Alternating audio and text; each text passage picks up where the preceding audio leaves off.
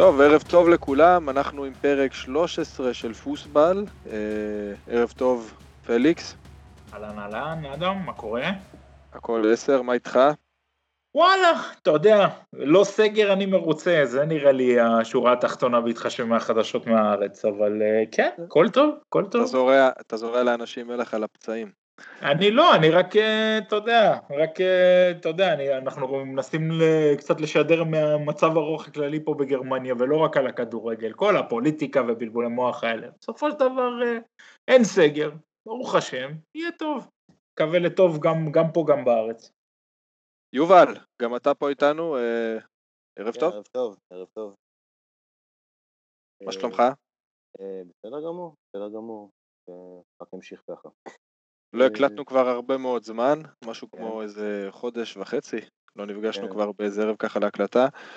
אה, הספקתי להגיע אליך, אחלה לייפציק. אני חושב שבבמה הזו אנחנו גם יכולים אה, לברך על חזרתו של אה, ערן לוי והדף שלו בפייסבוק אה, בונדסמניה, התגעגענו גם לזה. אה, וגם אני יכול לעדכן אתכם שבקרוב גם יחזור הפון, הבונדספוט של אה, אה, ערוץ ספורט 1. אה, אור טייטר חזר לגור בארץ וביחד עם ענבל מנור הבנתי שהם חוזרים להקליט גם את ה pod שמתעסק בבונדסליגה, גם לזה התגעגענו. יובל, היום הבמה היא כולה שלך. כבר כן. איזה שבועיים, שבועיים אתה לא מפסיק ותמיד מדבר איתנו על בוא נקבע, בוא נקבע, בוא נקבע. סקרנת את כולנו, אני מאמין שגם פליקס מאוד מסוקרן, אמור להיות פרק ממש טוב, אני בכל מקרה. אה, אני בכל מקרה מאוד, אה, אה, כן, מאוד סקרן לגבי מה שהולך להיות היום. כן, אז הנושא הוא נושא שכולנו מכירים, שטוב, לפחות בשבילי ובשבילך הוא מאוד קרוב ללב, שזה חבל ארור, ארור גביט, אה, שמי שלא מכיר זה החבל התעשייתי, האזור, היום פחות תעשייתי פעם, עדיין חבל מאוד תעשייתי, של, תעש... באופן מסורתי של תעשיות פחם ופלדה, האזור המאוכלס ביותר בגרמניה, אחד המאוכלסים באירופה.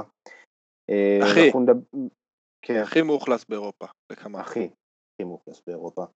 כן, ואנחנו תכף גם באמת נדבר על זה, אנחנו מכירים מהאזור הזה בעיקר, בעיקר שני מועדוני בונדסליגה גדולים, שזה דורטמונד ושלקה כמובן, זה שתי נציגות החבל הבכירות. הדרבי הגדול ביותר בגרמניה ואחד הגדולים באירופה, בטח בין חמש הליגות החזקות ביבשת.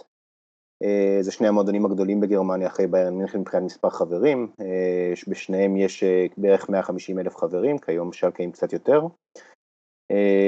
ובאמת שני מועדונים ענקיים, אבל בחבל ארור, או ארור-גביט בשם המוכר ביותר שלו בגרמניה, אחד מיני כמה, יש לנו עוד המון קבוצות עם טירוף יוצא דופן סביבן, שעל זה אנחנו בעצם רוצים לדבר.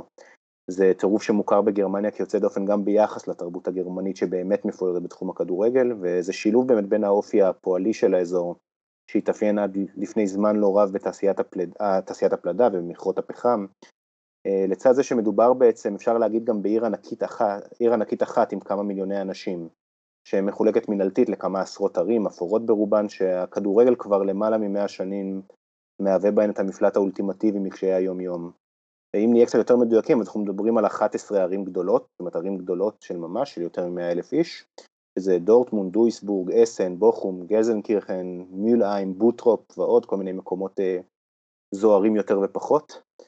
בעיקר פחות, ועוד ארבעה מחוזות עם... הר- פחות ופחות פחות הייתי אומר. כן, ו...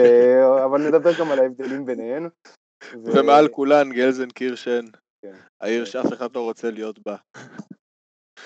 וחוץ מזה גם עוד ארבעה מחוזות אה, שיש בחבל הזה עם ערים, ערים יותר קטנות, עיירות וכפרים, זאת אומרת זה לא רק ה-11 הערים האלה, אלא באמת אה, עוד הרבה מאוד יישובים, רובם תעשייתיים, אבל חלקם גם חקלאים.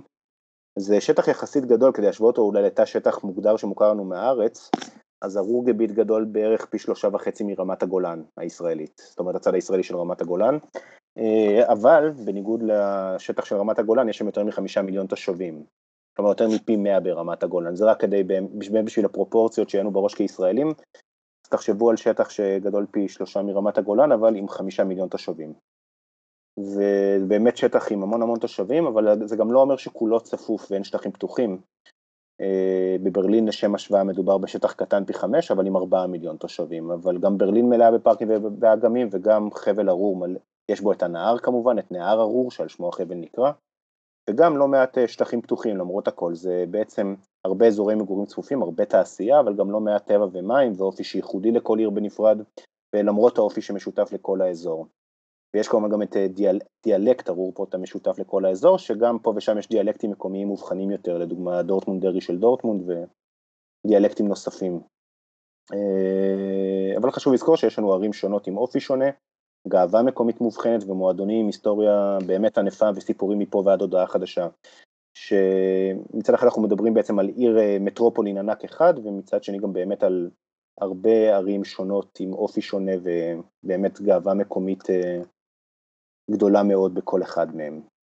והכמות הבאמת עצומה של מועדונים תרבות האדם מסביבם, להבדיל ממאות מועדונים שיש לנו גם ככה בכל עיר גדולה שמתפקדים בעיקר כמועדונים קהילתיים לנוער ולחובבים, אנחנו מדברים, במקרה הזה אני מדבר על המון מועדונים, עשרות מועדונים עם, עם סצנת קהל של ממש, יצרה את מה שבא לידי ביטוי, נגיד דוגמה בכותרת של ספר שיצא לפני כעשור וחצי, שנקרא עם לנדר טאוזן דרביס, בארץ אלף הדרבים, כי יש שם באמת המון דרבים אזוריים, המון דרבים מקומיים או אזוריים, או משחקים שנחשבים מבחינת הקהל של הקבוצות לדרבי לכל דבר, וזה רק ספר אחד מתוך שורה ארוכה מאוד של ספרים שנכתבו על הכדורגל בחבל הארץ הזה, כי באמת אה, הנושא הזה מעסיק שוב ושוב אה, סוציולוגים, היסטוריונים, עיתונאי ספורט ועוד ועוד אנשים שכותבים באמת בלי סוף על, ה, על הכדורגל בחבל ארור.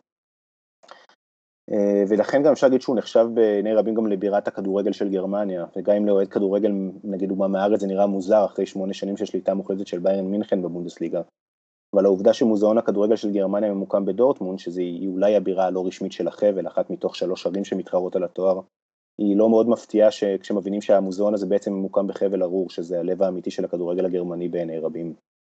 ואם אנחנו מדברים על חבל ארור כארץ אלף הדרבים, אז אפשר גם לדבר על, נדבר היום בעיקר על שלוש ערים גדולות בחבל, אף אחת מהן היא לא דורטמונד או גזנקירן של שלקה, עליהם אולי נדבר בסוף, אם יישאר לנו זמן. אה, שהיה או יש בהם גם דרבי פנימי בתוך העיר, מלבד הרור דרבי, זה דרבים של חבל ארור, שהם כאמור רבים מאוד. ואנחנו בעצם נתחיל עכשיו עם המסע הזה, אם uh, אתם רוצים, מי שרוצה, שיכול כרגע, נמצא במקרה ליד מחשב, יכול לפתוח Google Maps ולראות איפה דויסבורג נמצאת, דויסבורג, אה, שנמצאת בקצה המערבי של חבל הרור, אפשר להגיד שאנחנו מתחילים בעצם בסוף שלו, כי במקום שבו נהר הרור נשפך לנהר הריין, רחב הידיים, הנהר האהוב על פליקס. הגבול הדרומי גם כן, כי דיסלדורף למשל, שמאוד כן. קרובה לדויסבורג, כבר לא נחשבת כן. אה, עיר של נכון. חבל, אה, ששייכת לחבל הרור. נכון, דויסבורג זה כבר, זה, דיסלדורף זה בעצם כבר הריינלנד, ודויסבורג זה, היא בעצם, היא, היא נמצאת גם ברור וגם בנידריין, אפשר להגיד, גם, אפשר להגיד שהיא העיר החשובה של אזור הנידריין. אה, אבל היא באמת נמצאת על השפך של נהר ארור לנהר הריין. עיר גדולה, עיר נמל חשובה, הנמל הפנימי שלה הוא השלישי בגודלו באירופה, נמל באמת גדול, דויספורט. נכון. ועיר שצמחה מתוך אה, כפר שנקרא במקור רורורט, מקום היישוב על הרור אפשר לקרוא לזה. בלגולנד באוברהאוזן יש אה, דגם של הנמל של דויסבורג. כן, המקום הכי מעניין באוברהאוזן כנראה, אולי חוץ מעולם המים. זה אחד ליד השני. כן. זה אחד ליד השני. לא, שנייה, באובר, אני רוצה לעמוד פה על אה, שני דברים. קודם כל באוברהאוזן יש אצטדיון יחסית מרגש, ושתיים, אה, יש באוברהאוזן venue אה, של הופעות מאוד מפורסם. אז כן. באוברהאוזן קצת קרדיט. לא, זה נכון, תשמע, האמת כל האזור הזה של הצנטרו, של הקניון הענה גם כן, זה אזור מתועש חדש כזה, שהוא שווה ביקור, יש בו... לדבר על אוברהאוזן באמצע החיים, תראה מה, לאן החיים הובילו אותנו. אבל גם אוברהאוזן היא בחדר למרות שעליה לא נתעכב היום. כן, כן אבל אה, אוברהאוזן היא סמוכה אה, לדויסבורג. האמת שיש להם סוג של חברות קהל עם וופרטל ועם אה, שלקה כן. גם כן, וזה סוג של קואליציה נגד אסן ודורטמונד, אז כן. פה דווקא כן אפשר לשלב את אוברהאוזן איפשהו, אבל בואו נשאיר את זה להמשך הפרק. כן.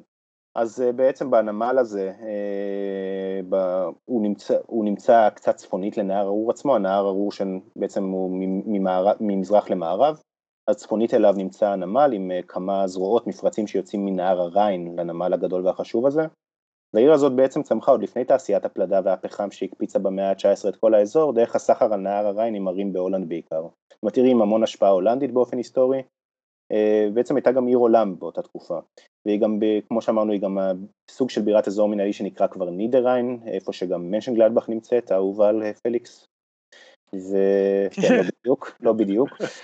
כן, אה, עיר שנמצאת בנידריין, שלא באמת נמצאת על הריין, מה, עזבו, עזבו, אין מה, אין מה לדבר. אני לא, לא, לא אוסיף כלום מלבד העובדה שמנשן גלדבך לא נמצאת בשום מקום שמתקרב אפילו לריין, אבל תנו להם לחשוב ככה, זה בסדר. וכן, אז ודרומית לנהר הריין נמצא מרבית מרכז העיר של דויסבורג, שם גם נמצא נמל מרכז העיר של דויסבורג, זה נפרד מהנמל הגדול של העיר, ויצרו בעצם זרוע מפרץ נפרד במאה ה-19, שבהתחלה עוד בתור נמל מסחר כלכלי, היום זה אזור בילויים של העיר דויסבורג, שנמצא שם בנמל מרכז העיר של העיר. וצפונית... מחכים את המבורג. כן, האמת שכן, אפשר להגיד שזה זה סוג, של, זה סוג של המבורג רק אה, הרבה יותר קטן והרבה פחות מגניב ומעניין. אבל האמת שהרבה עיריות עכשיו מחכות כן. לזה, גם באופנבך יש כבר אזור כן. כזה ויש עוד כמה מקומות שזה כן. מנסים להפוך את הנמל לאיזושהי אטרקציה, אפילו בדיסלדור זה ככה. הפרק הזה מידרדר מאוד מאוד מהר, כן, מה, יובל, אנחנו רוצים לדבר על כדורגל. כן, אנחנו נגיע תכף לכדורגל, אבל כדורגל אה, קשור, קשור באמת לתרבות. כדורגל, מה, אז הנה, אז נגיע. לא- אנחנו לא אייל פלד. כן, אה, למה לא? וצפונית ל... אז זהו, צפונית לנהר הוא, צפונית לנמל הענק הזה, נמצאים עוד מספר חלקים של העיר הזאת, ושם גם צמח בעצם הכדורגל בדויסבורג, זה צפונית לנהר, צפונית לנהר וצפונית לנמל, אה, באמת בחלקים המרוחקים הצפוניים של העיר. אה, עכשיו כולם, כולם, או לפחות רובנו, מי שמתעניין בכדורגל גרמני, מכיר את המועדון שמכונה אצלנו בקיצור דויסבורג, זו שהשבוע לא הצליחה ממש לתת פייט לדורטמונד בגביע. בעונה שעברה בעטה בדלי בצורה מפוארת כדי לא לעלות לבונדסליגה השנייה אחרי שבמשך חודשים ארוכים טרם הקורונה הייתה עולה בטוחה, אבל אז נכנסה לרצף הפסדים והפסידה את העלייה. אבל זה באמת עדיין מועדון גדול ובעל מסורת, אה, הזברות, נכונים, בכחול לבן, עם חולצת הפסים הכחולה לבנה שמלווה את המועדון הזה כבר יותר מ-100 שנים, מאז 1902, מאז שהמועדון הזה הוקם. אבל אנחנו קוראים לו דויסבורג בארץ, זה לא באמת השם האמיתי שלו בגרמניה, כמו שאנחנו קוראים ל-HSV המבורג בארץ, כי מי יגיד HSV בארץ, גם דויסבורג בעצם נקראת MSV, שזה MS או MSV באנגלית, זה מיידרישר שפורטפריין, מרובע מיידריש. אה, בצפון אה, דויסבורג, המועדון שהוקם ב-1902, עד 1967 הוא נקרא רק מיידרישר שפורטפריין, MSV, בלי דויסבורג, ושם העיר בעצם צורף אליו רשמית רק אז, בשנות ה-60. תשמע, יש להם שם חתיכת מתחם, הייתי כן, שם uh, לפני... ב... כן, ב... זה, אבל זה חתיכת מתחם, כן. כאילו ספורטיבי כן. ענקי. אה, איזה חברה של המשפחה שלנו הזמינה אותנו לשם פעם אחת, היה אה, טורניר אה, של אה, כל גילאי אנשים בגרמניה. סוג של מיונים כזה ל-DFB. וכל מיני שטויות כאלה, נכון? יש שם הכל, הכל, שמע, זה, זה פארק, כמו פארק אולימפי. אוקי ואוקי קח ואוקי... כמו פארק אולימפי. כן. שמע, היה שם כאילו מיונים לנבחרת הגרמנית לנשים בכל הגילאים, הגענו לשם, אני, בלי צחוק, משהו כמו איזה 20 מגרשים כאילו במתחם, הלכנו משהו כמו איזה 25 דקות כדי להגיע למגרש בסוף שהנערה שיחקה בו, שכאילו הוזמנו לראות אותה. משהו כאילו היסטרי, לא, לא ראיתי דבר כזה בחיים שלי. מתקן כן. כאילו ברמה אירופאית, וזה משהו כמו איזה 500 מטר מהאיצטדיון מה שהוא גם ענקי, כאילו, כן. אני חושב שמבחינת, אתה יודע, דויסבורג, התדמית של העיר, זה, זה האטרקציה המרכזית בעיר, כן. כאילו, האיצטדיון. תגיד שנייה, יובל. אה, אז, אה, אבל רק חשוב להגיד שהאיצטדיון הזה לא נמצא ברוב המיידריש, כי כבר ב... זה מה שבאתי לשאול. כן, לא. לא, לא, נכון. זה מתחם חדש לגמרי, פליקס. כן, חדש אבל לגמרי, זהו, כאילו, אז זהו, אז תגיד שבמקור המועדון הזה הוא מרוב המיידרי, שהוא צפונית לנמל בצפון העיר דויסבורג, אזור מאוד תעשייתי, אבל כבר ב-1921, זאת אומרת, לפני 99 שנים, הוא נשאר עם השם שלו, אבל הוא עבר לוודאו במרכז העיר, אז הוקם הוודאו שטדיון עם 31 אלף מקומות, אצטדיון אתלטיקה וכדורגל משולב. הוא היה בזמן... יותר דרומית, נכון? כאילו, הוא באותו, לא, באותו, לא? הוא באותו מקום. אה, הוא היה אז עם 31 אלף מקומות, היה השני בגודלו בזמנו בגרמניה.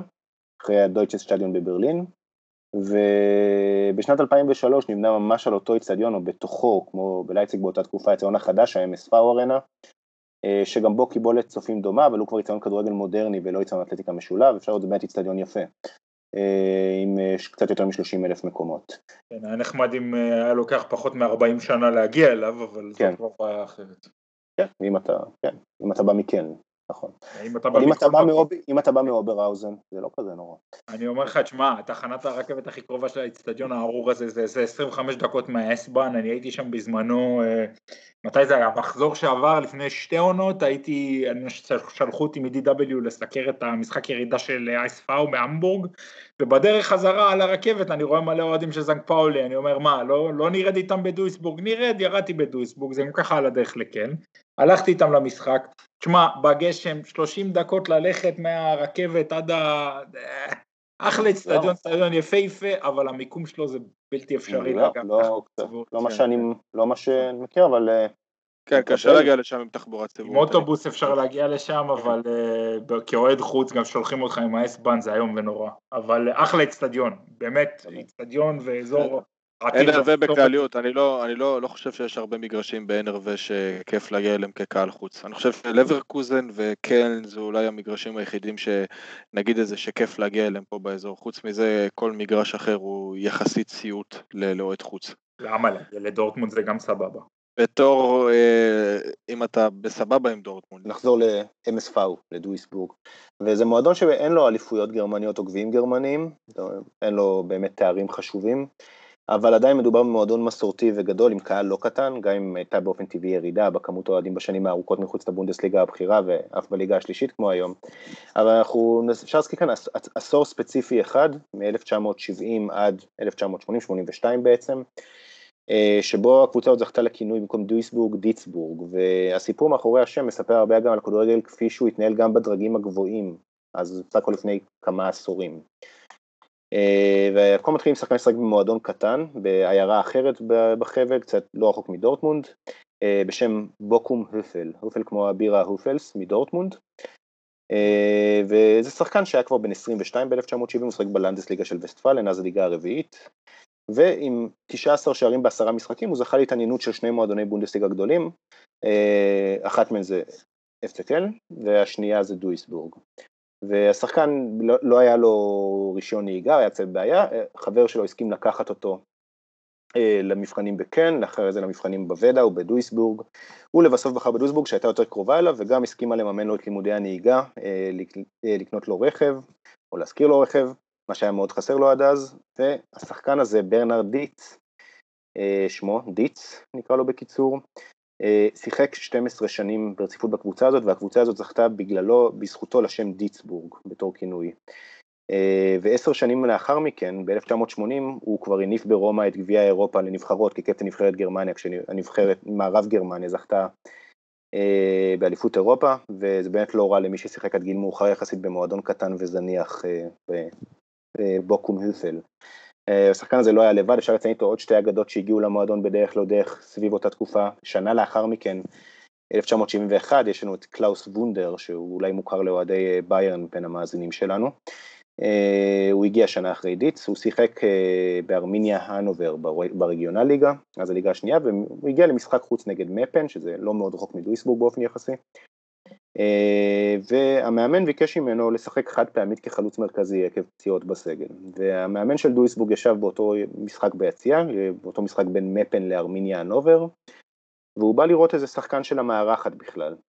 אבל מה שהוא ראה זה את החלוץ, החלוץ לעת אה, מצוא, את, אה, את קלאוס וונדר, מבקיע רביעייה ומוביל את הקבוצה שלו ל-4-0.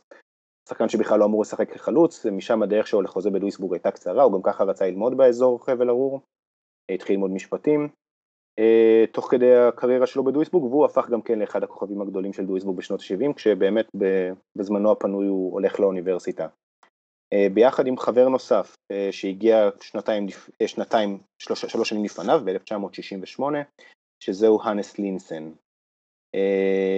שהוא היה בחור בן 18, בבוקר אחד ב-1968 הוא נבחן בבגרות האחרונה שלו בביולוגיה, ואחר הצהריים הוא הגיע לדויסבורג, לאימון המבחן, שסידר לו חוזה בקבוצה. במבחן הוא לא מאוד הצליח, אבל את החוזה שלו הוא קיבל. וביחד הוא, בעצם ביחד עם דיץ וביחד עם וונדר, לינסן, יצר את השלישייה שנתנה לדויסבורג את העשור הגדול ביותר שלה. לא, היה, לא היו להם תארים בעשור הזה, אבל היה להם באמת עשור בלתי נשכח, היו להם ניצחונות, לא מעט ניצחונות בדרבי הגדול שלהם. שהדרבי הגדול שלהם הוא נגד שלקה היה באותו זמן. כמו שאמרנו, ארור, חבל ארור זה ארץ אלף הדרבים, אז גם טויסבורג נגד שלקה היה נחשב לארור דרבי גדול מאוד בזמנו. ו... דיסטלדורף הם לא כל כך הסתדרו, כן, למשל, לפחות נכון. היום לפי מה שאני זוכר. נכון, הם גם לא מאוד אוהבים דיסלדורף, הקרבה מאוד גדולה בין הערים, אבל הם החשיבו בזמנו, לפחות לפי מה שאני יודע, את שלקה לדרבי הגדול והעיקרי שלהם. ועוד יריבה שהם מאוד אה, אהבו לשחק מולה, כמו כולם, אה, יריבה מאוד חשובה מבחינת, זו הייתה ביירן מינכן, אה, שהם השיגו להם כמה תוצאות באמת יפות באותו עשור, 3-0 ב-1972, 5-2 ב-1976, 6-3 ב-1977, ובעצם בעשור הזה הם הפסידו רק פעמיים בבית לביירן, שבאמת זה גם אחת הסיבות שהעשור הזה נזכר כמשהו מיוחד עבור הקבוצה הזאת. ועוד שתי נקודות אור זה היו ההופעות של הקבוצה בגביע וופא ב-75-76 ו-78-79. ב-1979 הם הגיעו עד חצי גמר גביע וופא ופגשו לדרבי אזורי אחר, לא של ארור אלא של הנידריין, את אה, בורוסיה מנשן גלדבך, וגלדבך ניצחו בחצי גמר וגם עלו לגמר וזכו בגביע וופא באותה עונה. אבל אה, עבור דויסבורג העונה הזאת שבה היא הגיעה לחצי גמר גביע וופא גם נחשבת לעונה גדולה מאוד בהיסטוריה של המועדון. אחרי כמה שנים התפרקה החבילה הזאת, דיץ, הכוכב הגדול שעל שמו נקרא דיצבורג, עבר לשלהי הקריירה שלו לשלקה דווקא. אה, קלאוס וונדר הספיק לשחק קצת בביירן מינכן, אחרי זה בהנובר ובברמן, והאנס לינסן עבר לקלן, אבל לא לאפצה אלא לפורטונה. הוא הספיק לשחק שם כמה עונות, אחרי זה הוא קיבל את תפקיד המאמן, ובסוף שנות ה-90 הוא עבר דווקא לאפצה קלן, וקיבל שם את תפקיד המנהל המקצועי. אה, שלושתם אה, עשו עוד דברים אה, מחוץ, מחוץ לדוויסבורג. פליקס, מה, מה הולך עם אפצה קלן בקיץ הזה, תגיד לי? אמ, אני באופן מאוד מאוד יוצא מגדר הרגיל אופטימי, אני חייב להגיד. אמ, באמת? כן, וואלה, מה אתה יודע? אופטימי. אתה מאמין שאתה... ממה יש לך להיות אופטימי? שבעונה לא. הבאה כבר תחזרו, תעלו חזרה לבונדסליגה הראשונה. קודם כל, דבר שני, אני חושב ש... נגיד דבר כזה, אם יש דבר אחד שאני הבנתי, שאני ככה אימדתי לליבי, אה, או שבאמת אה, הפנמתי כאוהד קל, היא שנקודת המוצא שלך צריכה להיות אכזבה, ביקורת, עצבות, באסה. זאת הגישה. באופן כללי ציפייה לזה שהכל יהיה הכי גרוע, ואם ילך אז ילך. אמ, אני חושב שבהתחשב בסיטואציה, היום אמרו שג'ון קורדובה עובר להרטה, בתמורה הם קיבלו כמה מיליון. כמו שאני אומר, גם אוטו עזב אתכם, ובקיצור, אה, כאילו, מודסט גם אומרים שהוא הולך לעזוב. תשמע, מה שקורה זה שהם הביאו... גם ככה לא פוגע, כן, אבל אתה יודע. הם הביאו את דודה, הם הביאו את אנדרסון, שהוא אחלה של חלוץ שבעולם. כן, נכון. רוצים להביא את האק מנירנבורג, שזה שחקן שאני מחזיק ממנו מאוד. אמ, יש נקודת אור אחת שקצת פחות מדברים עליה בגרמניה, אבל אני חושב שתשחק תפקיד מאוד מאוד מרכזי בקלן השנה, אה, שזה חזרה של שני מושאלים שאני חושב, אני אישית מחזיק מהם נורא. הראשון אה, זה סלי הרצ'קן, אה, קשר נבחרת גרמניה עד גיל 21, שיחק שנה שעברה בהשאלה בקיל, עשה קדם עונה מאוד מאוד אה, אה, מאוד מאוד טובה בכמה משחקי ידידות, הוא קשר מעולה, אני מחזיק ממנו נורא, והשני זה פרדי זרנסטן, עד לפני כמה עונות אחד משחקני ההגנה הכי טובים בבונדסליגה, שקצת... מה זה, שוודי?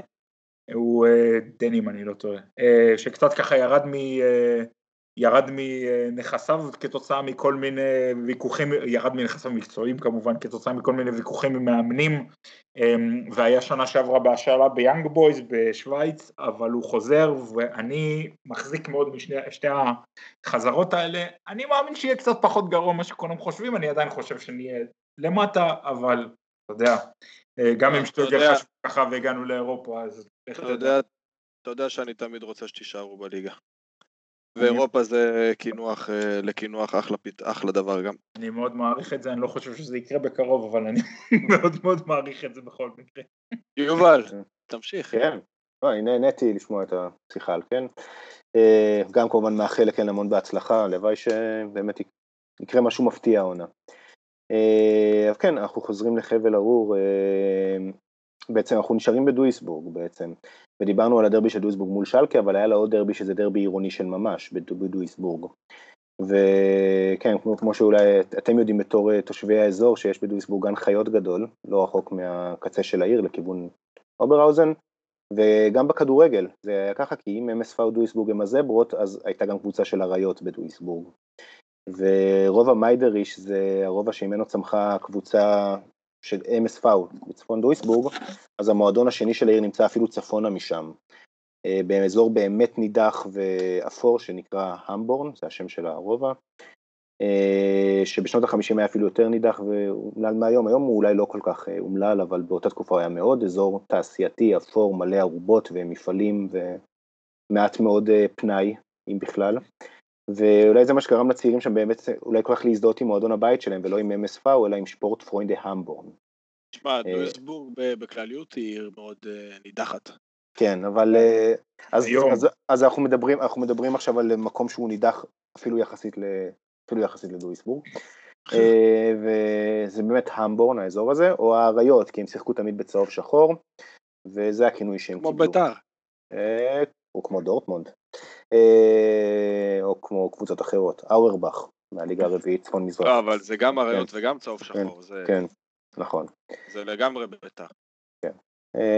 כן, אבל קבוצה לפחות באופן יחסי למדינה שלה, לא, באמת, לא הצליחה להגיע ממש לגדולות, אבל יש לה בכל זאת סיפורים מעניינים. קודם כל המועדון הזה, כדי, שוב כדי לקשר את זה לתעשייה, לאזור, המועדון שיחק באוגוסט, אוגוסט טיסן, שטדיון טיסן, כמו מכירים, זה חלק מ... כיום חלק מתאגיד אה, טיסן קרופ, אה, על שם אה, מייסד האימפריה התעשייתית המקומית, אוגוסט טיסן, זה אזור של תעשייה כבדה, כמו שאמרנו. החברה לא באמת טיפחה את המועדון, אבל היא הייתה מזוהה עם האזור, הייתה שם קבוצה שבשנות ה-50 ותחילת ה-60 גם באמת שיחקה באוברליגה וסט, הליגה הראשונה האזורית באותה תקופה, לפני הקמת הבונדסליגה ב-63. אה, אז הקבוצה הזאת כן שיחקה בדרג הגבוה, היא כן הצליחה לנצח כמה פעמים את הזברות, את MSV במשחקי דרבי. והסיפור היפה שם, המעניין, זה שהיא חתומה על היסטוריה מאוד מעניינת בכדורגל הגרמני.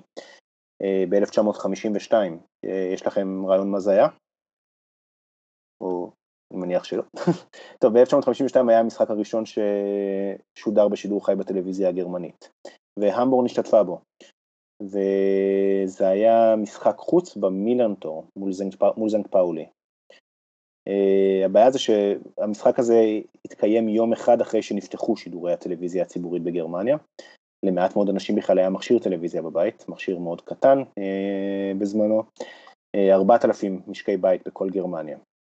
אה, ומה בעצם, בשביל מה בעצם משדרים את המשחק הזה? אז זקני המבורג מספרים שבעצם התגודדו בהמוניהם, המשחק היה בחוץ בהמבורג מול, זנט פאולי, והם פשוט התגודדו מול חנויות אלקטרוניקה בדויסבורג ובערים אחרות בסביבה, אה, לפעמים אפילו חסמו את הרחובות כי כולם ניסו להסתכל על, הטלוויזיות שהוצבו בחלון הראווה וניסו ככה לצפות במשחק של הקבוצה שלהם שבאמת עשתה היסטוריה באותו יום, היא גם ניצחה 4-3 בחוץ את פאולי. אה, ועלתה השלב הבא, היא לא זכתה בגביע אבל אה, בכל זאת השתתפה בהיסטוריה וניצחה והיא לא הצליחה לעשות דברים גדולים בעשורים שלאחר מכן, נשארה קבוצה מאוד קטנה אבל בכל זאת מועדון עם המון מסורת והיסטוריה חשובה בדויסבורג. הם קיימים היום? אה, כן, משחקים במגרש שנקרא הולטקאמפ, אני לא זוכר בדיוק את הליגה, אני חושב... באיזה ליגה? אם אני זוכר נכון זה בצירס ליגה, אבל אני לא בטוח עכשיו במיליון אחוז. בדקת נגיד כמה קהל הם מביאים עדיין? כן, כמה מאוד בודדים, זה לא, אין אה, סצנת קהל של ממש היום שם. אבל בזמנו היו להם, הם היו יכולים גם להביא אלפי אוהדים, לפעמים יותר מעשרת אלפים אוהדים למשחק. כן, גם אה, טניס ברוסיה הוא מביא פעם כן. יותר מעשרת אלפים נכון. למשחק. נכון, הרבה, באופן כללי בתקופה שמשחקים לא היו משודרים כל הזמן, אנשים מילאו את היציעים אה, גם בקבוצות מאוד קטנות. וכן, זה מה שהיום לא נשאר, זה גם באמת מועדון קטן היום, הוא משחק גם במגרש אחר שנקרא הולטקאמפ. גראונדהופרים מספרים שזהו ביקור מומלץ מאוד, אז אה, שתדעו. ההולטקאמפ בדויסבורג. פליקס רוצה לנסוע? וכן. כן, כן. איזה לא, התלהבות. לא, כן זה אני אמרתי כדי לסגור את הנושא, זה לא פליקס, פליקס עדיין אה. עם... אה, פליקס מסכים במעצר. כן. אה, כן, אבל נמשיך הלאה, בעצם עזבנו את דויסבורג, נקפוץ כמה עשרות קילומטרים מזרחה, נדלג על ערים יפות, פנינים של ממש כמו אוברהאוזן, מילהיים, בוטרופ, העיר שבה היה, אם אני לא טועה, המכרה הפעיל האחרון בחבל הרור עד לפני מספר שנים, אם אני לא טועה, זה ליד גלזנקירכן. כן. גם שם הייתה קבוצה עם סיפורים מרתקים בשנות ה-50, קבוצה שחמש פעמים ברצף פספסה עלייה בצורות, בצורה באמת ש-HSV הייתה מתביישת לפספס בעליות. ובוטרופ שלא הצליחה לעלות לדרג הראשון באוברליגה באותה תקופה, לבונדסליגה, כי פספסה את העלייה לבונדסליגה בגלל שינוי כללים אחרי סיום העונה ב-62-63, אבל לא נתעכב באמת על, על בוטרופ, אלא נקפוץ ישר לאסן, שעיר גדולה, אחת משתי הערים הגדולות ברור יחד עם זה. כן.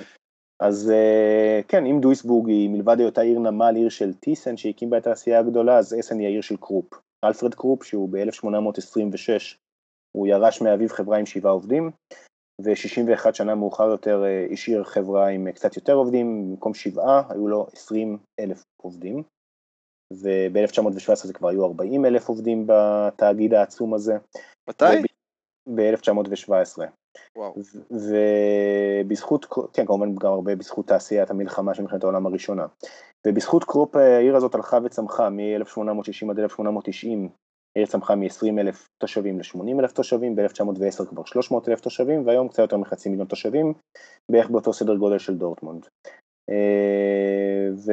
אבל יחד עם ירידת קרנן של תעשיות הפחם והפלדה באסן, כמו בכל חבל ארור, גם אסן הייתה צריכה להמציא את עצמה מחדש, היא בצורה שדי דומה לדורטמונד, היא הפכה למרכז בעיקר של נותני שירות, בנקים, חברות ביטוח וכו', רוב העובדים שם, 80% מתושבי אסן בעצם מועסקים בתחום הזה. זה כבר לא לגמרי עיר פועלים, אבל עדיין יש לה את האופי שנשאר לה. וגם באופן מפתיע יש לה, העיר גם מאוד בועט בתחום התרבות, אני לא מדבר על תרבות כדורגל, אלא תרבות במובן הקלאסי של התיאטראות, זו תזמורת פילהרמונית מאוד מוכרת, וכל מיני תזמורות אחרות, מוזיאונים ועוד, ב-2010 היא הייתה בירת התרבות של אירופה, וזה באמת משהו שקצת קשה להאמין על עיר כזאת שהתדמית העיקרית שלה הייתה עיר תעשייה אפורה, אבל היא הצליחה לעשות איזשהו שינוי כדי להתאים את עצמה. עכשיו באסן אנחנו כמובן מכירים את רוטווייס אסן מהליגה הרביעית, אבל שהיא גדולה הרבה יותר מהליגה הרביעית מבחינת המשמעות שלה, גודל הקהל שלה, המסורת שלה. השבוע היא הדהימה את ארמיניה בילפלד מהבונדסליגה הראשונה בגביע, והיא עלתה לשלב 32 האחרונות בגביע הגרמני, שזה באמת סיפור יפה. פעם ראשונה אחרי תשע שנים, אם אני לא טועה, שהם מצליחים לעבור את השלב הראשון בגביע. נכון, נכון, לפני תשע שנים כבר הם היו עוד בבונדסליגה השנייה, אם אני לא טועה. זה באמת סיפור יפה שקבוצה שהיא לא, ליגה לא לחלוטין מקצוענית משיגה את זה. גם דיברנו על רוטווייס אסן באחד הפרקים הקודמים, יש כמובן את השיר המוכר על אופה לושסקובסקי, סבא לושסקובסקי, שאדם אתה מכיר את השיר הזה במקרה? שמעת עליו? כן, הבת שלי מתה עליו. הבת שלי החליטה שזה סוג של שלאגר שהיא חייבת לשמוע, היא נהנית מהשיר הזה ברמות מטורפות, היא מכירה את השיר הזה בעל פה, כשאנחנו באוטו, היא מבקשת שנשים לה אותו, היא נרדמת איתו לפעמים, זה... אני צריך... השלב הבא זה לקחת אותה למשחק של ערב... אני באתי להגיד שאל תגיד את השם של השיר בקול, למה אתה תעיר את הבת של אדם. כן, וזה באמת אורוורום אמיתי, כמו שאומרים בגרמנית, תולעת אוזן, שיר שבאמת נתפס באוזן, ואפילו אם אתה לא מה שמאוד מיוחד בו זה גם הליריקה שלו, זה ליריקה שהיא מאוד, קודם כל ליריקה מצחיקה, היא קלילה והיא מספרת מספרת סיפור של סבא שאתה יודע, כאילו משגע את, את, את סבתא, את אשתו, כן. וכאילו הולך לכדורגל ומבריז מהחתונה, ומהחופשה המשפחתית, כן, והיא מוציאה אותו שיכור מבר וכל זה, אתה יודע. אחלה סיפור כאילו יש בתוך כן. השיר ואני תכלס וזה באמת סיפור חיים שלם שמסתיים באמת בזה שהוא עולה לשמיים וממשיך משם לעקוב אחרי הקבוצה.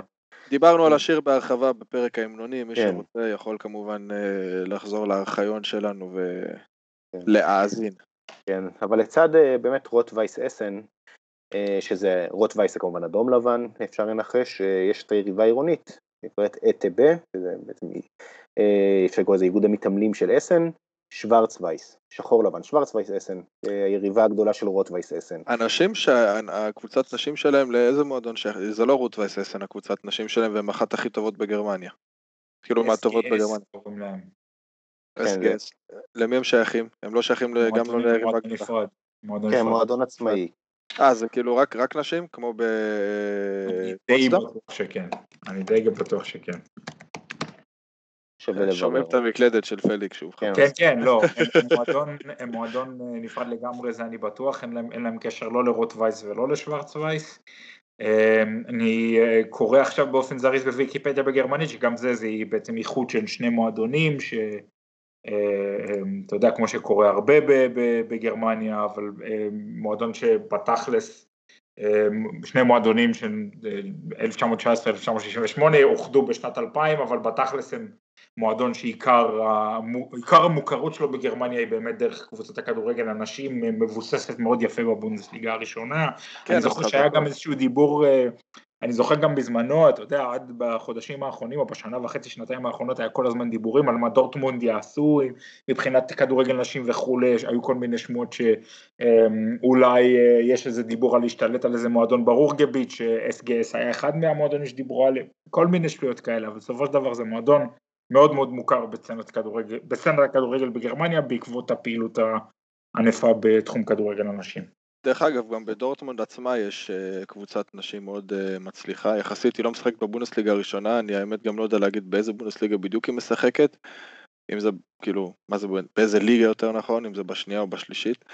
אבל היא על כל פנים מקצוענית יחסית לכדורגל נשים בגרמניה, וגם פה היה דיבור על זה שדורטמונד אולי תשתלט עליה אה, כשהיא פותחת מחלקת נשים.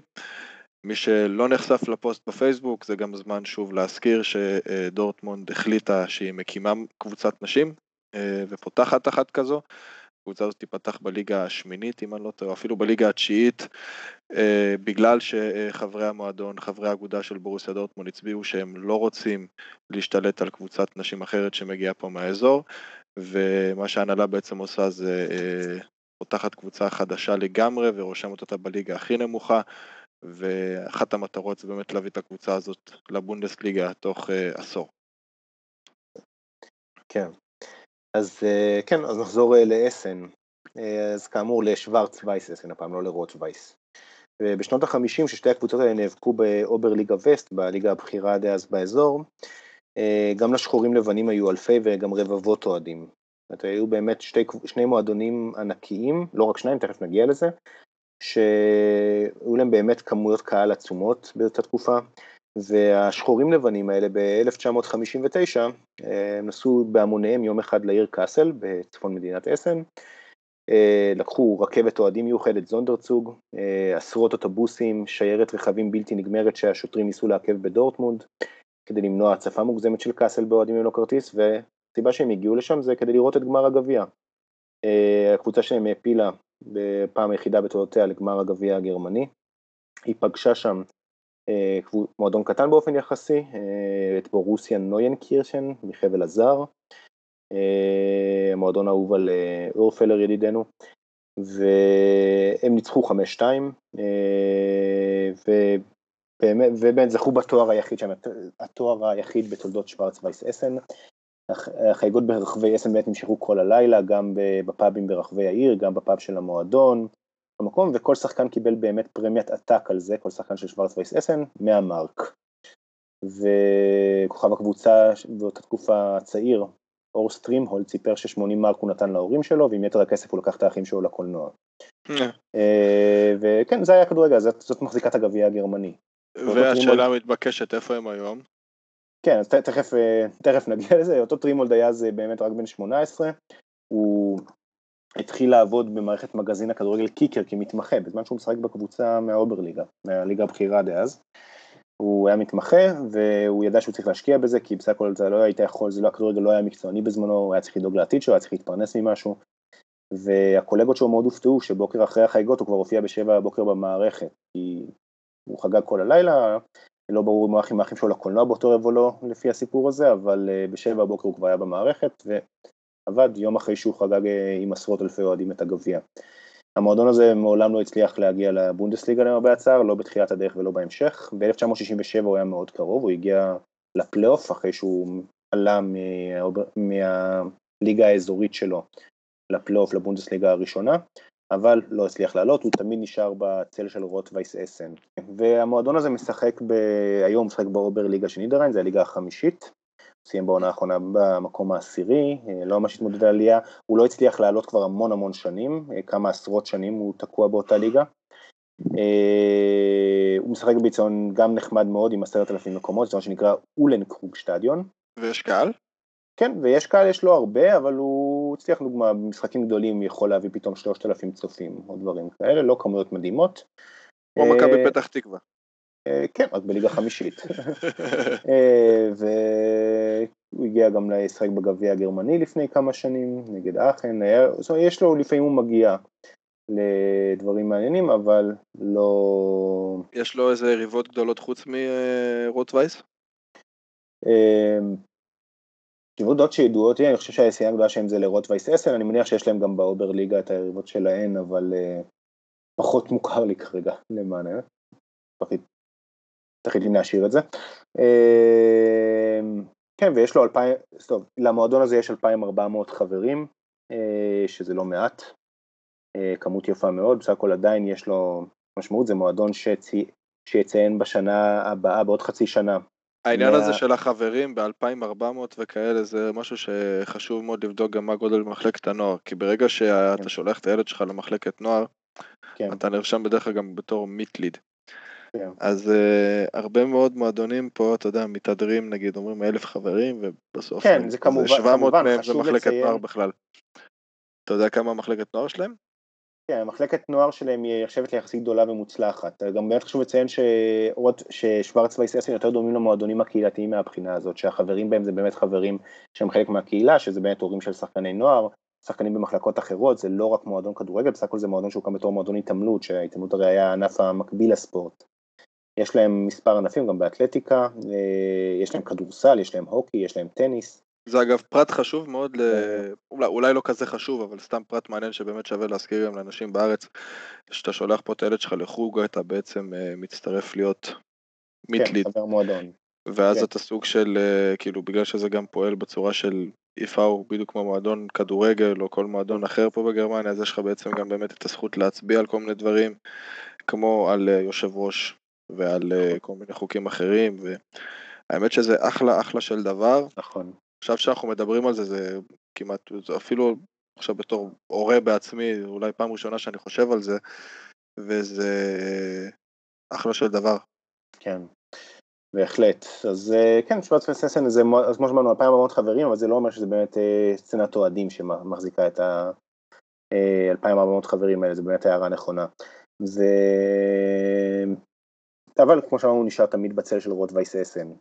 אה, לגבי רוטווייס אסן אפשר להגיד, ואם זה באמת נקפוץ בקצרה למועדון השלישי של העיר, המועדון, הכוכב הכי גדול של רוטווייס אסן הוא כמובן אל מוטרן, שב-1954 הבקיע את השער המפורסם שנתן למערב גרמניה את גביע העולם, בזמנו מול נבחרת הפלא ההונגרית שהייתה באמת טובה פי כמה מגרמניה של אז, הייתה באמת אחת הסנסציות הגדולות בתולדות המשחק, הניצחון של מערב גרמניה ב-54.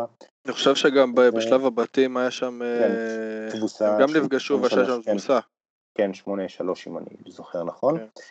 וכן, זה באמת היה, הייתה הפתעה מאוד גדולה, ואותו אלמוט רן הגיע מהמועדון השלישי של העיר, מועדון שנקרא שפורט פרוינדה קטרנברג. זה מועדון שהוא היום הוא באמת מאוד קטן, אה, אבל אה, בזמנו הוא אה, שיחק, ב, הוא, הוא שיחק בליגה הבכירה של, מער, של מערב גרמניה, או בליגה וסט. היו לו לפעמים יותר מ-10,000 צופים ביציון שלו, פעם אחת אפילו 25,000 צופים. אה, ולפני עונת 1950-51, המועדון הזה שעדיין היה קטן יחסית לרוט וייססן, נאלץ למכור את הכוכב הגדול שלו, את אלמוט רן, לרוט וייססן. ובעזרת סכום העברה העצום, הוא בנה מאחורי היציע גדר, שנועדה למנוע מאוהדים שלא רוצים לראות את המשחק, אה, לראות אותו, שרוצים לראות את המשחק בלי לשלם על כרטיס, אה, לעמוד ולצפות בו מבחוץ, אז הם פשוט בנו את הגדר הזה עם הכסף מה, מכירה, חלק מהכסף אה, של המכירה של אלמוטרן, והגדר הזאת אה, זכתה לכינוי אלמוטרן סאונד, כאילו, גדר אלמוטרן. Mm. וכן, ככה המורשת שלו נשארה, נשארה באיצטדיון הזה ובקבוצה הזאת, שגם היא נחשב, זה נחשב למקום שהביקור בו מאוד מומלץ, אה, אבל גם בליגה מאוד מאוד נמוכה כיום, אני לא זוכר בדיוק איפה, אבל בעצם קוראים אה, אם לינדנברוך, והוא נמצא באמת באסן קטרנברג באותו רובע. ויש שם גם אה, Vereinsgaststätte, בית המועדון, פאב המועדון שהוא נחשב גם מאוד מיתולוגי ומומלץ, אז אה, כן, אם אתם באסן, אז אחרי שאתם רואים את רוטווייס, שזה מאוד מומלץ, ואת שו... בהפנשטרסה, את האיצטדיון החדש שלהם, ואחרי שאתם רואים את שוורצווייס באצטדיון שלהם, אז מומלץ גם לבקר את קטרנברג. שטיזון הרבה יותר קטן, אבל עדיין סיפור מאוד מאוד מעניין, וגם באמת לראות את הגדר הזאת שנקראת על שמן מוטרן. אה, כן, וככה אפשר בעצם לסיים עם אסן ולקפוץ לעיר האחרונה שלנו, אה, לפחות האחרונה לעת עתה, שזאת בוכום, שזה קצת מזרחה מאסן. כן, גם עיר יפהפייה. ממש. כן, כן, עיר שהיא גם מצד אחד מאוד תעשייתית, אבל גם, בדומה לאסן, גם באופן מפתיע הצליחה ליצור עצמה שם בעולם התרבות הגבוהה, עם הרבה מאוד תיאטראות ואולמות קונצרטים, שזה גם באמת מאוד מאוד מפתיע. אתה יודע מה המשפחה שלי מהזאורלנד הייתה תמיד אומרת לי על בוכום? כן, מה? שהדבר הכי כיפי בבוכום זה שיוצאים ממנה. השלט לכיוון קלן. או לכיוון הזאורלנד, כן. כן. וכן, אז פארפל בוכום היא המוכרת, היא כמובן הקבוצה הגדולה, המוכרת של העיר. היא בהרבה שנים האחרונות היא קבוצת בונדסליגה שנייה טיפוסית, אבל היא הייתה הרבה יותר גדולה מזה, ולא מאוד מזמן למען האמת. אפשר להזכיר סיפור אחד מעניין שהקבוצה באמת לא מאוד מזמן, מ-97. זה הקבוצה הגיעה ב-16 בספטמבר 1997 למשחק הראשון שלה אי פעם במסגרת אירופאית, זה היה בחוץ מול טרבזונספור, אה, על חוף הים השחור במזרח-מזרח טורקיה. אה, והקבוצה בוכום הפסידה 2-1 בחוץ, אה, אחרי יתרון 1-0, והשאירה בעצם את הכל פתוח לגומלין ברור שטדיון, סטדיון שפליקס מאוד אוהב אם אני זוכר נכון. זוכר מעולה, אני כן. חולה על האצטדיון הזה, זה אצטדיון שמאוד קל להגיע אליו נגיד, אה, אבל בלי קשר זה אצטדיון מרגש.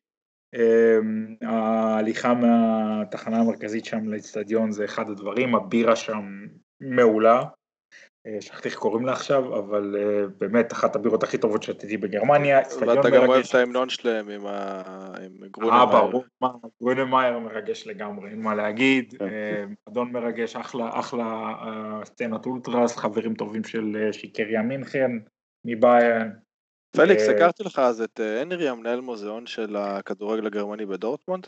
כן, הוא אוהד לא. שרוף של בוכום, נכון. כן, נכון, אוהד שרוף, הוא אוהד שרוף. הנרי ואליג, הוא היסטוריון נכון. ספורט מאוד מוכר, כותב הרבה על ספורט יהודי, המון. נכון. גם עזר לי, עזר לי עכשיו עם הספר על בר כוכבא. אה, באמת? וואלה, לא ידעתי, כן. חבל שלא אמרת לי. אה, כן, הוא בלי שום קשר גם עשה את כל הנושא הזה של אה, של, אה, איך קוראים לו? של אה, מקס, אה, מקס גורגולסקי, אם אני לא טועה. מקס גורגולסקי, כן. כן, השחקן היהודי ששיחק אז באיינטרק פרנקפורט, והחולצה שהגיעה אליהם, לבר כוכבא פרנקפורט. כן. שזה המכבי פרנקפורט, אני כבר לא זוכר. כן. החולצה אז שהגיעה. בקיצור, הנרי, יש עליו סיפור מאוד מעניין, אני חבר שלו בפייסבוק, והוא השתתף עכשיו באיזשהו אתגר הליכה, הוא הרי על כיסא גלגלים, לרוב. והוא השתתף עכשיו באיזה אתגר הליכה, והוא הלך באיזה 18 ימים ברצף, תנחשו איפה? מסביב לאצטדיון של בוך. כן, יפה, מסלול מעניין. אמ, כן, אז אנחנו חוזרים לאצטדיון הזה בעצם, ששבועיים אחרי המשחק בטרבזונספור, במזרח מזרח טורקיה, 24,500 אה, צופים הצטופפו שם ולראות את הגומלין. אה, והקבוצה שם בעצם בוכום כבר הובילה 5-1 בדקה ה-70, פתאום ספגה שני שערים מאוד מהירים מהיריבה הטורקית, ובאמת רק בנס לא הצליחה לא לספוג את הרביעי, טרבזונספור ישבה על השער של בוכום, לא הבקיע, ובוכום הצליחה לעלות לשלב השני, באמת בפעם הראשונה שהיא הופיעה בגביע אירופה, בגביע וופא. והם הגיעו למשחק מול ברוז', אפצה ברוז', וגם שם היה להם מאוד מהר, הפסידו 1-0 בחוץ, חזרו הביתה, ניצחו 4-1 גדול בבית, אה, את ברוז' ופתאום מוצאים את בוכום, שבאמת מועדון בלי איזושהי מסורת אירופאית, כאמור הופעה ראשונה, פתאום מוצאת עצמה בשמי גמר גביע וופא. והיריבה שלהם שם הייתה כבר הרבה יותר גדולה, זאת הייתה אייקס אמסטרדם, אבל לא אייקס של היום, שהיא גם קבוצה גדולה ומרגשת בפני עצמה, אלא אייקס של שנות ה-90, שהייתה אחד המועדונים החזקים באירופה. אה, ב-1997-98, בוכום כבר הובילה 2-0 בחוץ במשחק הראשון באמסטרדם ארנה. בסוף היא ספגה רביעייה, הפסידה 4-2, בגומלין היא הפכה פיגור 1-0 ליתרון 2-1 וכבר האמינו שם שאפשר לעשות את זה, אבל אייקס השוותה ל-2-2 ושם המסע נגמר. אבל בוכום העפילה ל-16 האחרונות בגביע הוופא וזה עד היום נחשב לאירוע הגדול בהיסטוריה של המועדון הזה. הישג השיא. כן, ו... וכאמור קבוצה ש... הייתה עד לא מזמן בבונדסליגה הראשונה, והיום קבוצת בונדסליגה שנייה טיפוסית, בונדסליגה שנייה זה כמובן לא רע, זה עדיין ליגה גבוהה ומעולה, אבל אה, האוהדים שם כמובן חולמים על חזרה לבמה הגדולה של הכדורגל הגרמני. אבל מה שמעניין... כן, דיברנו על זה האמת באחד הפרקים הראשונים, אם אני זוכר כן. נכון, אבל אה, בתכלס, אה, אם מסתכלים טיפה אחורה גם מבחינה היסטורית, הדרבי האמיתי של בורוסיה דורטמונד זה בכלל כן. בוכום, שהיא גם יותר נכון. קרובה לדורטמונד. והדרבים בין הקבוצות האלה, ב... אני חושב אפילו היו כמה כאלה בסוף שנות ה-90 בבונדסליגה, ואפילו כן. אולי כמה בתחילת ה-2000, אם אני זוכר נכון, אבל זה הדרבים שהם היו הרבה יותר חמים מהדרבים עם גלזנקירשן, עם שלקה במקרה הזה. כן. וזה פרט שאתה יודע, הרבה מאוד אנשים לא מכירים ולא יודעים אותו. בוכום כן. הייתה יריבה הרבה יותר מרה של דורטמונד, בתכלס. נכון, והיא... בהצטיינות שלהם אגב מאוד מאוד קל, אה, אה, מאוד מאוד אה, ניתן להבחין בשנאה המאוד מאוד מאוד פסיכית שיש להם לדורטמונד. בטח. זה עד היום, זה גם ברמות ה... זה באמת בכל מקום. גם ברמה הניהולית זה ככה. היה לפני איזה שנה וחצי או שנתיים, אם אני זוכר נכון, הייתה של המנכ"ל שלהם איזושהי אמרה כזאת שגם זכתה להרבה מאוד בוז, אבל הוא לא יצא רק על דורטמון, הוא יצא גם על שלק, הוא אמר אנחנו המועדון היחידי בחבל ארור שעדיין באמת אה, שומר על המסורת שלו ולא נהיה קפיטליסטי אה, ומגעיל. והוא התכוון כאילו במילים ישירות לדורטמונד ולשלקה. כן, הוא אמר שבדורטמונד ובשלקה באים לאירוע, באים לבלות, ו... ובוכום באים לראות כדורגל באמת. נכון.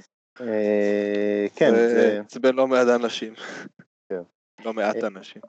כן, וכן, אז זה מועדון שבאמת חולם על ההגעה לחזרה לימים הגדולים שלו, אבל בעיר בוכום היה עוד מועדון שגם לא מאוד מזמן, בעיר אותה עיר בוכום, שלא מזמן היה בבונדסליגה הראשונה, אתם זוכרים אותו? לא. מה, מה? לא שמעתי אותך? המועדון שהיה בבונדסליגה הראשונה לא מעט מזמן, שגם מבוכום. מי? כן, שזה וטנשייד. אה, נכון. ואטנשייד זה רובע בבוכום בסופו של דבר. כן. חלק מהעיר בוכום. אה, ושגם סיפור מאוד מאוד מעניין, זו קבוצה שעלתה בעונת 89-90, אה, זכתה באליפות הבונדסליגה השנייה ועלתה לבונדסליגה הראשונה. היה לה גם סיפור מאוד מאוד מעניין באותה עונה, אה, נקבע לה משחק חוץ מול ארטה ברלין, אנחנו מדברים על זה לבונדסליגה של מערב גרמניה, כן? ונקבע לה משחק חוץ בברלין מול ארטה ברלין, באיזה תאריך? ב-11 בנובמבר 1989, שזה יומיים אחרי, נפילת החומ... אחרי פתיחת החומות, נפילת החומה, מה שנקרא. הקבוצה יצאה לדרך יומיים לפני זה, ב-9 בנובמבר, לברלין, בדרך שומעים על האירועים, מבינים שהם מגיעים לעיר שכולה נמצאת בפסטיבל פתיחת הגבולות. יום לפני המשחק הם מסתובבים בקודם בעצם כל המזרח גרמנים רוצים להצטלם איתם, כי הם רואים שיש שם כוכבים של הבונדסליגה ממערב גרמניה, של הבונדסליגה השנייה ממערב גרמניה. ואומרים בעצם המשחק לא כל כך עניין אותנו, הם היו אז במקום הראשון, אבל המשחק נגמר באחת אחת, הם אומרים זה באמת לא מאוד עניין אותנו, היינו באולימפיה שטדיון, היציון היה מלא ביותר מ-60 אלף צופים, הגיעו לשם איזה 40 אלף מזרח גרמנים שקיבלו כניסה בחינם, או הנהלה של ארטה ברלין החליטה להכניס את כל מי שרוצה ממזרח ברלין, שרק יראה תעודה שהוא מהמזרח, הגיע מהמזרח. אה, שוב, באמת, אנחנו מדברים פה על יום וחצי אחרי שנפתחו הגבולות, באמת אה, תזמון מדהים.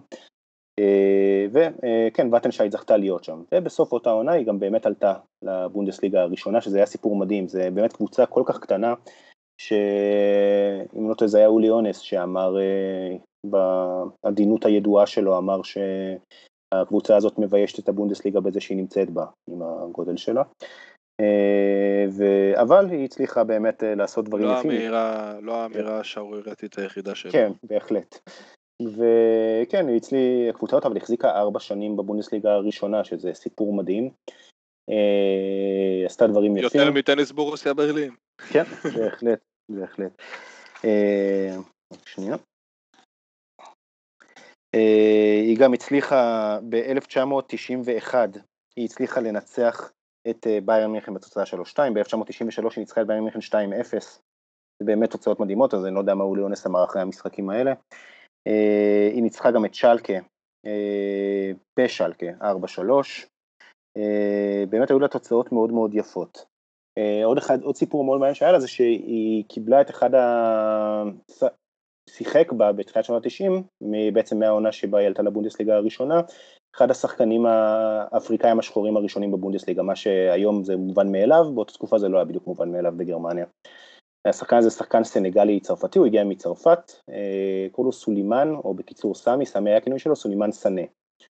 אה, הוא הגיע לקבוצה, הוא כיכב בה ב-90, בעונה 90-91, בעונה הראשונה שלו, הוא זכה לפרסום אה, כלל גרמני כשהוא שיחק עם הקבוצה שלו מול ה-SV בחוץ בהמבורג, יצאנו גם בהמבורג, אה, הייתה אז לא מעט גזענות, אה, והוא סבל מבאמת דברים שהיום היו עוצרים עליהם מן הסתם את המשחק והקבוצה הייתה סופגת הפסד טכני. זרקו, ממש זרקו עליו בננות, צעקו לו קללות כמו Neger raus, שאני לא צריך לתרגם את זה מן הסתם, אני מניח, וזה, לאורך כל המשחק הוא שמע את זה. אבל וטנשייד ניצחה במשחק הזה, סאנה הבקיע, ואחרי המשחק הוא בא למצלמות שראיינו אותו והוא אמר Nix Neger raus, heißt Faust raus. בעצם כדי להכניס לאוהדים של האספאו, והמשפט הזה הפך להיות אחד המוכרים. פליקס, איזה חיוך עלה לך עכשיו על הפנים ששמעת את זה? תשמע, את המונח, את המשפט האספאו איזראוס, נראה לי אנחנו כבר רגילים לשמוע, לא? כאילו, זה די שגרתי לשמחתנו לצערנו, ככה שאני... אבל כן, לא, סיפור מגניב וכל הכבוד, לא אין מה להגיד. וכן, כל, ה, כל הסיפור של נקרא לזה, אתה יודע, לא, לא מדברים על זה כל כך הרבה, אבל אולי זה איזה משהו שאני אולי אכתוב עליו איזה פעם, אבל זה מאוד מעניין לראות איך, איך, איך הסצנה של ה-SFAO הפכה באמת מ... אמ, אחת הסצנות שיותר ידועות בנטיות פוליטיות בעייתיות, אמנם היא קרה בהרבה מקומות בגרמניה, אבל ה-SFAO אני חושב זה אחד המקומות שבמיוחד ככה השתנה בהם לא מעט, אה, כמובן יש שינויים אחרים ברמה החברתית ופוליטית שקרו בגרמניה, ברמן זה אגב עוד אה, מיקום כזה נקרא לזה ככה, אבל באמת ב-ISFAO אה, ממצב שבאמת צועקים כאלה דברים למצב שעומדים לצידו של שחקן שבא כפליט פחות או יותר כל, ה, כל, ה, כל סצנת האולטרס זה, זה יפה וזה מגניב וכן סך הכל אייספאו זה אחלה מועדון עם אחלה, אחלה פנסן אני מקווה שהחברים שלי מה, מה, בזנג פאולי לא שומעים אותי עכשיו אבל חברים וחברות אני צריך להגיד אבל, אבל כן זה ככה אנקדוטה בעניין האספאו. אוקיי, okay, אז כן, ומה שעוד מעניין לגבי אותו סולימן סמי סנה זה שנולד לו אה, מאוחר יותר ב-1996 בן בשם לרוי. אה, והוא באמת גם, המשפחה נשארה לגור אה, באזור, וכן, לא במקרה הבן לרוי, אה, מכירים אותו היום אה, אה, בתור אחד הכוכבים הגדולים בכדורגל העולמי. לרוי סנה. כן, זה הבן של סולימן סמי סנה. וואלה, איזה סיפור יפה. כן, וכן, שהוא נועד באסן, בעצם אה, סולימן סמי סנה, הסנגלי צרפתי, נשאר, היה כל כך אהוב בוואטנשייד ובאזור, שהוא נשאר, נשאר לגור שם, גר עם המשפחה באסן, ושם לרוי נולד. מעניין, גם... איך, איך לירוי סנה הגיע כן. למחלקת נוער של שלקה? אז זהו, שהוא דווקא התחיל בתור ילד, ילד בן חמש אה, בוואטנשייד, שיחק שם עד 2005, עד גיל תשע, משם הוא עבר לשלקה, אה, שיחק שם כמה שנים, עבר שוב למחלקת נוער של אברקוזן וחזר למחלקת נוער של שלקה. ושאז הוא התחיל את הקריירה, את הקריירת בוגרים שלו בשלקה. אה, היה שם שתי עונות, אם אני לא טועה, נכון? ואז באמת סיטי חטפו אותו ועשה שם כמה עונות יפות, ועכשיו חזר לגרמניה לביירן, כן? והשאר היסטוריה כמו שאומרים. כן, וזה באמת, זה סיפור יפה כי שאבא שלו באמת עשה צעד גדול וקשה, זה באמת, זה לא, לא מובן מאליו כמו היום. אה, ששחקן שחור שם את עצמו ככה באור הזרקורים בבונדסליגה וסופג באמת את כל הגזענות הזאת, אבל הוא בזכות, גם בזכות היכולת שלו וגם בזכות התגובה שלו, הקור רוח שלו, הוא הצליח להשתיק את הגזענים ולעשות, אפשר להגיד שלעשות גם שינוי גדול בדרכו, אחד מרבים שעשו שינוי גדול בכדורגל הגרמני. אה, זה גם עניין חברתי כמובן, אבל אה, גם זה הרבה תלוי בשחקנים שעשו את השינוי הזה. ואחד מהם בא מאותה ואטנשייט כאמור, וזה סמי סנה. אה, כן, והאמת שכן, כאן אנחנו אפשר להגיד שאנחנו גם מסיימים בוכום, ועם העיר השלישית האחרונה שרציתי לדבר עליה, ואנחנו יכולים באמת אה, להמשיך לדבר עכשיו על דורטמונד ועל שלקה, שכאמור רציתי להשאיר אותם בצד, כי דורטמונד ושלקה מי לא מכיר, בסופו של דבר, אה, אבל באמת יש כל כך הרבה סיפורים, אני הזכרתי כאן שבע קבוצות בסך הכל, וזה כלום, באמת כלום מתוך כמות הקבוצות שיש ברוגביט, אפשר אה, באמת לקרוא על זה בהמון מקומות, לפחות באנגלית, בעברית אין על זה הרבה למרבה הצער, אה, אבל באנגלית ובגרמנית בלי סוף, ושווה באמת אם אתם מתכננים שהקורונה תיגמר במהרה בימינו, ויהיה אפשר באמת לנסוע, לעשות שוב אה, טיולי כדורגל באירופה, אז חוץ מאשר ביקור בדורטמונד ומגרשים אחרים בחבל, הוא מאוד מומלץ באמת לבדוק מראש אה, על כל אותן קבוצות אה, בינוני, גדולות, בינוניות, קטנות, חבל ארור ולעבור ביניהם, כי באמת כל אחת מהן זה סיפור מדהים, וזה באמת להכיר את התרבות כדורגל הזאת מקרוב. אה, כן, אחד מהמקומות האלה הוא גם אה, ואטנשייד, אה, אני לא יודע אם הם עדיין מארחים באותו אצטדיון שהם אירחו פעם, הרי הם פשטו רגל, ולפי מה שאני מבין הם משחקים עכשיו בליגה החמישית, כן, אבל, אבל זה גם אחד מה Kultvereins, נקרא לזה ככה, מה Traditionsklubs, מהקבוצות המסורתיות שיש לחבל הרוהר להציע, בהחלט שווה ביקור. גם שם היו משחקים מאוד מאוד uh, חמים ומעניינים עם דורטמונד ועם בוכו ועם קבוצות אחרות מחבל ארור. כן, והם עדיין מארחים האמת שבלור היידה שטדיון באותו מגרש כן, מיתולוגי. כן, מגרש שהוקם ב-54, שופץ פעמיים בעשורים האחרונים, באמת מקום מומלץ מאוד לביקור. ראיתם שם כמה גלריות של משחקי דרבי שהתקיימו שם. אה, יש להם, אה, כאילו, אני לא יודע בדיוק איך הצצנה של דורטמונד מסתכלת עכשיו על אה, מבחינת יריבות, זה משהו שאני צריך אולי לבדוק. אני יודע שהיו מגיעים לא מעט אוהדים לשם, אבל אתה יודע, לכל מקום בענר ומגיעים הרבה אוהדים של דורטמונד כשיש משחק של הקבוצה, אז אני לא יודע כמה זה באמת היה יריבות גדולה, ככה מבחינה הזאת. טוב, בכל מקרה. פרק 13, אנחנו uh, מתקרבים לסיום. Uh, יש לנו איזשהו שיר שאנחנו יכולים לסיים איתו היום? מה, השיר, כן. השיר עם הסבא אולי? הופה לושיקובסקי כבר היה לנו. כן. אז בוא נסיים בשביל פליקס עם ההמנון של בוכום. עם המנון של בוכום, של הרברט, הרברט גרונמאייר. איזה שיר, תשמע, יאללה. יאללה, פליקס שמח, עור ברווז, אנחנו מסיימים עם בוכום, עם הרברט גרונמאייר, הזמר הגרמני המפורסם. אם אתם לא מכירים, אל תרגישו רע עם עצמכם, זה מוזיקה של מעמד הביניים הגרמני ומעלה, יותר משהו בסגנון הזה, לא מוזיקת פופ וראפ ששומעים ככה ברחובות. בנימה זו אנחנו מאחלים לכם ערב טוב, או יום טוב, תלוי מתי יזמתם בפרק. פליקס, שרדו את הסגר ודרישת שלום למשפחה באשדוד בשעות קשות אלה.